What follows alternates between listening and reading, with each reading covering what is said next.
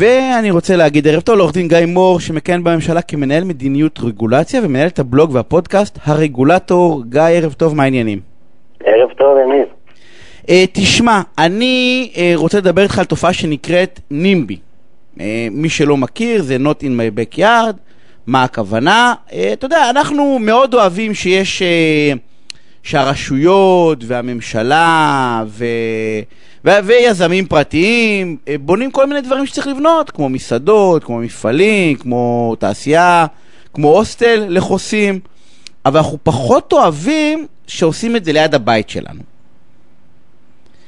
נכון, בעצם התופעה של נימבי היא, היא תופעה די מוזרה, כי בעצם כולנו מסכימים שאנחנו רוצים שיהיה שדה תעופה במדינה, כולנו רוצים שתהיה על צריך אנטנה סלולרית, כולנו רוצים שיהיו כבישים, אבל אנחנו לא רוצים אותם קרוב מדי אלינו, אנחנו רוצים שזה יפריע למישהו אחר.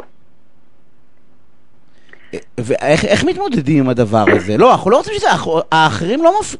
אני, חושב לפחות ככה, נכון? זו תופעה קודם כל סופר נפוצה, נכון? אני לא חושב ש... אתה, הרי אתה עובד במש... במשרד ממשלתי, דבר שאתם בטח נתקלים בו באופן די, די נפוץ, הרי אנחנו לא נגד הדבר, אנחנו רק לא רוצים שזה יהיה לידינו. תראה, בואו נדבר קודם כל רגע באופן כללי כדי להבין את התופעה. אמ, עכשיו אנחנו בתקופת קורונה, לא כל כך טסים לחו"ל, אבל כולנו רוצים שיהיו בישראל שדות תעופה כדי שנוכל לטוס לחו"ל. אבל ברור לנו שאם המטוסים שממריאים או נוחתים יעשו לנו רעש, אנחנו לא כל כך רוצים את זה. ולכן אה, תושבים למשל שגרים ליד שדה תעופה רוצים שישנו את המסלול של הטיסות, או שיעזבו את שדה התעופה. אבל ברור לנו שאם נשנה את המסלול של הטיסות או נזיז את שדה התעופה, אם נחשוב על זה עוד רגע, זה יעשה רעש למישהו אחר, נכון? אלא אם כן נרחיק את שדה התעופה כל כך רחוק מכולם, ואז יצרנו בעיה אחרת שצריך לנסוע המון לשדה התעופה. עכשיו אותו דבר עם כל דבר אחר, כן? אם נרחיק מאיתנו מאוד את הכביש המהיר, אז לא הרווחנו שום דבר. ואם נרחיק מאיתנו מאוד מאוד את כל האנטנות הסלולריות, אז אין קליטה. זאת אומרת, אנחנו צריכים אותם יחסית קרוב, אבל לא קרוב מדי. ואז בעצם כל אחד רוצה להרחיק את זה קצת ממנו, ובעצם כל אחד מוכן שתהיה בעיה, אבל שתהיה בעיה למישהו אחר. כמובן שלא אומרים את זה, כן? כל אחד אומר, רק את המשפט אומר, רק, רק לא אצלי. אבל לטענה, אבל לטענה גיא סופ, סופר, אה, אתה יודע, ברמה האישית היא סופר נכונה. נכון, נכון, עכשיו, היא לגמרי מוצדקת, כן, בואו, תראה, גם אני, כשמישהו, אחד השכנים מפריע לי, אני לא רוצה שיפריע לי, אז אתה יודע, מה זה שכן מול שדה תעופה או מפעל מזהם, אה, הבעיה שאנחנו מבינים שצריך את זה, כן? ואז השאלה היא איפה הכי נכון למקם את אותן תשתיות, את אותם מבני ציבור.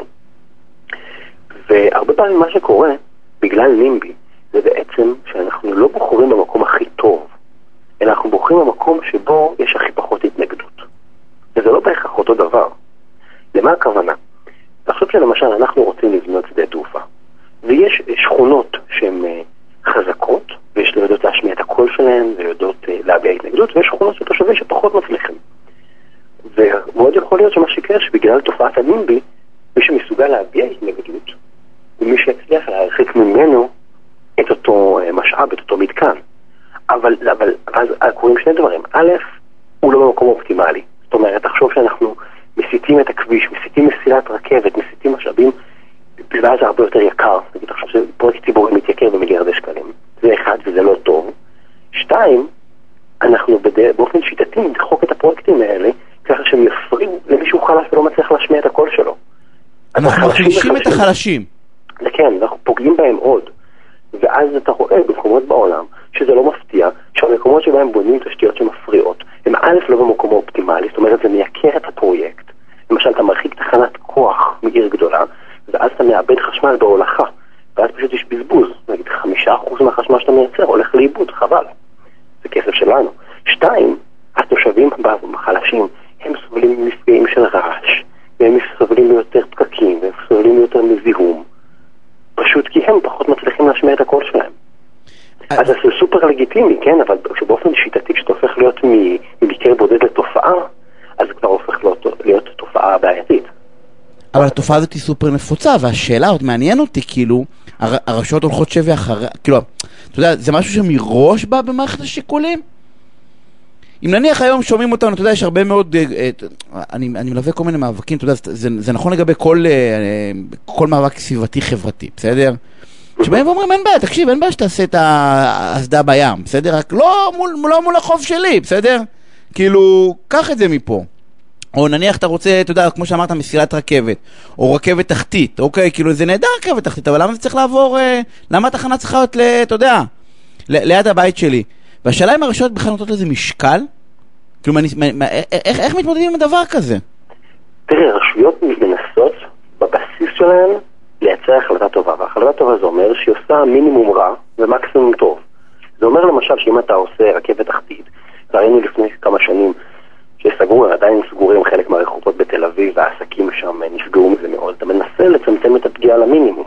זאת אומרת, הרבה פעמים התושבים לא צריכים לצעוק, כואב לי, מרעיש לי, מפריע לי, כדי שהרשות תדע את זה, כן? פה גם צריך לזכור את זה, כן? אני חושב שיש די עצובה בישראל, שבהליכי תכנון ובנייה, אנחנו חושבים ששיתוף ציבור מגיע בצורה של התנגדות, נכון? הציבור לא מייעץ, הציבור לא מציע הצעות. האקט של הציבור בהליכי תכנון ובנייה... הוא בהליך ההתנגדויות. זה להגיש התנגדות. אז, אז הוטמע פה איזו תפיסה שהציבור מתנגד. אבל קודם כל הרשות שוקלת את השיקולים של הציבור גם אם הוא לא מתנגד. הרשויות רוצות שלא יהיו פקקים, שלא יהיו הצפות, שלא יהיו שרפות, ושיהיה מינימום זיהום, מנסות להגיע לשם גם ככה, ויש פה איזונים, כן? ברור לך שזה עניין של עלות ותועלת, ומישהו בסוף נפגע מזה, כן? בסוף איזשהו רחוב אני אסגור כשאני עושה רכבת תחתית. בסוף שדה תעופה ירעיש למישהו.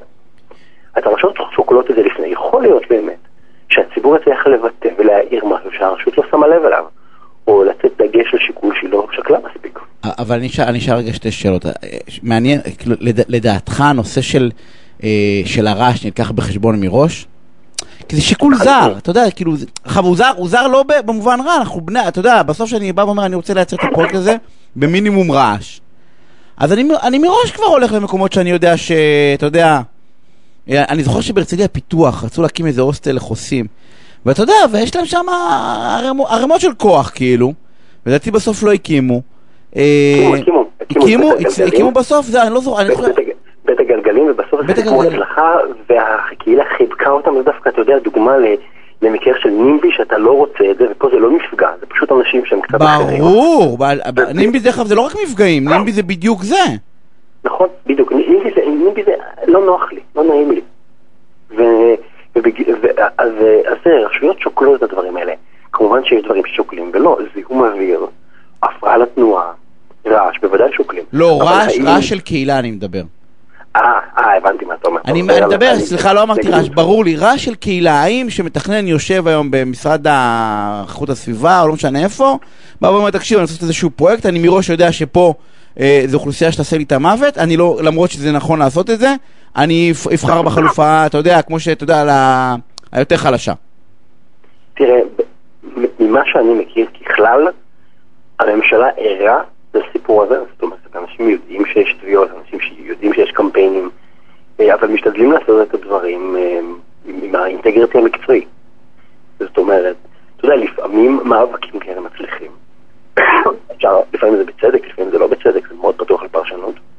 אבל בדרך כלל מנסים להקשיב לאנשים, אבל לא להיכנע בגלל שמישהו צועק יותר חזק. כי זה די ברור שכשאם תחרות צעקות, אז אנחנו פשוט בתחרות של מי יותר חזק, ולא במה הדבר הכי נכון לציבור. כן, כי, כי תחשוב על זה, מה שאתה אומר בעצם זה שאם מקבל ההחלטות חושב על מה נכון... באופן אפילו תת מודע דרך אגב, אתה יודע, אני בא ואומר לפעמים סתם, אתה יודע, זה הרי בקבלת החלטות, ברגולה, לפעמים זה אפילו לא במודע. אתה בא ואומר, אני... יש דברים שאני, כמו שאמרת, שדה תעופה, אני מעדיף לתקוע את זה ליד אה, מקום שפחות... אה... בחדרה רצו לעשות, נכון? לדעתי להעביר את ה... רצו לעשות בחדרה, באיפשהו. ב... הייתה התנגדות מאוד גדולה. בחדרה או משהו כזה. כאילו... אתה תחשוב בדרך כלל שאתה מעביר את זה לשם כי אתה באמת מפריע לפחות אנשים, כן? תראה, זה תמיד דברים מאוד מורכבים, ויש פה המון המון שיקולים נוגדים.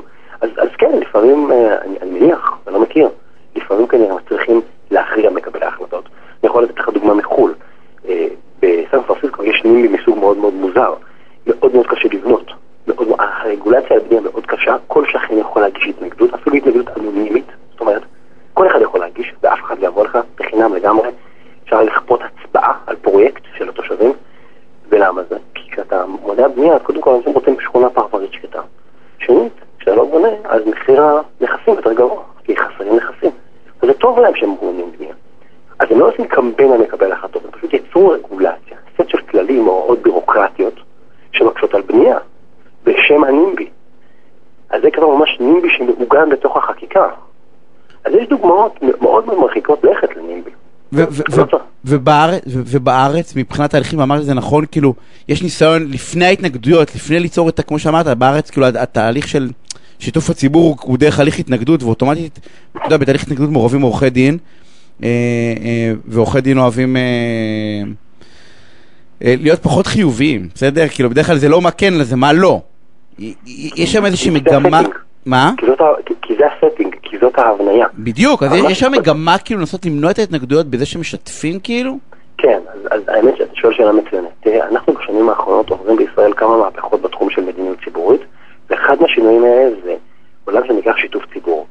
והרעיון בשיתוף ציבור זה לשמוע אנשים ולהתייעץ איתם, לנסות להבין את הבעיה, לנסות להבין את השיקולים, לנסות לגבש סט של חלופות וגם לחשוב איזה חלופה יותר טובה לפני שהתקבלה ההחלטה.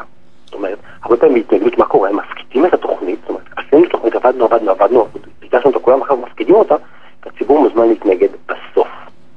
מה אנחנו אומרים? לא, לפני שהתקבלה ההחלטה, בכל מיני שלבים, בשלב של הגדרת המטרות, בשלב של גיבוש החלופות, בשלב של השוואה בין החלופות, פה אז נשמע את הציבור.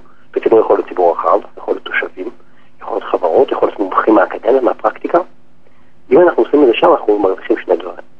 א', אנחנו מוצאים את הלעומתיות הזאת, ומיישבים את הסכסוך במידה רבה לפני שהוא מתחיל, כי אנשים לקחו חלק, לקחו חלק, נכון. גם שמעו את השיקולים ולא קיבלו תוכנית מוגמרת נכון. שמרגישים שלא סופרים אותם. ואני יכול להגיד לך מניסיון שלי שעשיתי עשרות תהליכי שיתוף ציבור, גם כשאתה בסוף לא מקבל החלטה שתואמת אותם, כשבאמת הקשבת, אנשים יודעים מתי אתה מקשיב ומתי אתה מהנהן, אנשים מקבלים את זה יותר. אתה גם מנמק, אתה מסביר, אה, אין מה לעשות, אנשים יודעים מתי אתה מקשיב להם ומתי אתה מזייף. הדבר השני שזה עושה, זה בעצם אה, מאפשר גם למי שלא יודע לקחת עורך דין ולא יודע לנהל הליך משפטי מורכב להשמיע את הקול שלו. ואז אנחנו עושים, משפרים יותר את האיזון ואת הבלנס הזה, שאמרנו בהתחלה, החזקים משמיעים את הקול. של החזקים והחלשים. גיא, אנחנו חייבים לסיים. אה, אני רוצה לדעת אותך על פינה סופר מעניינת. אה, וזה באמת, זו סוגיה בעיניי מרתקת שמשפיעה כמובן על איך המדינה שלנו נראית ותראה. אה, אז תודה רבה.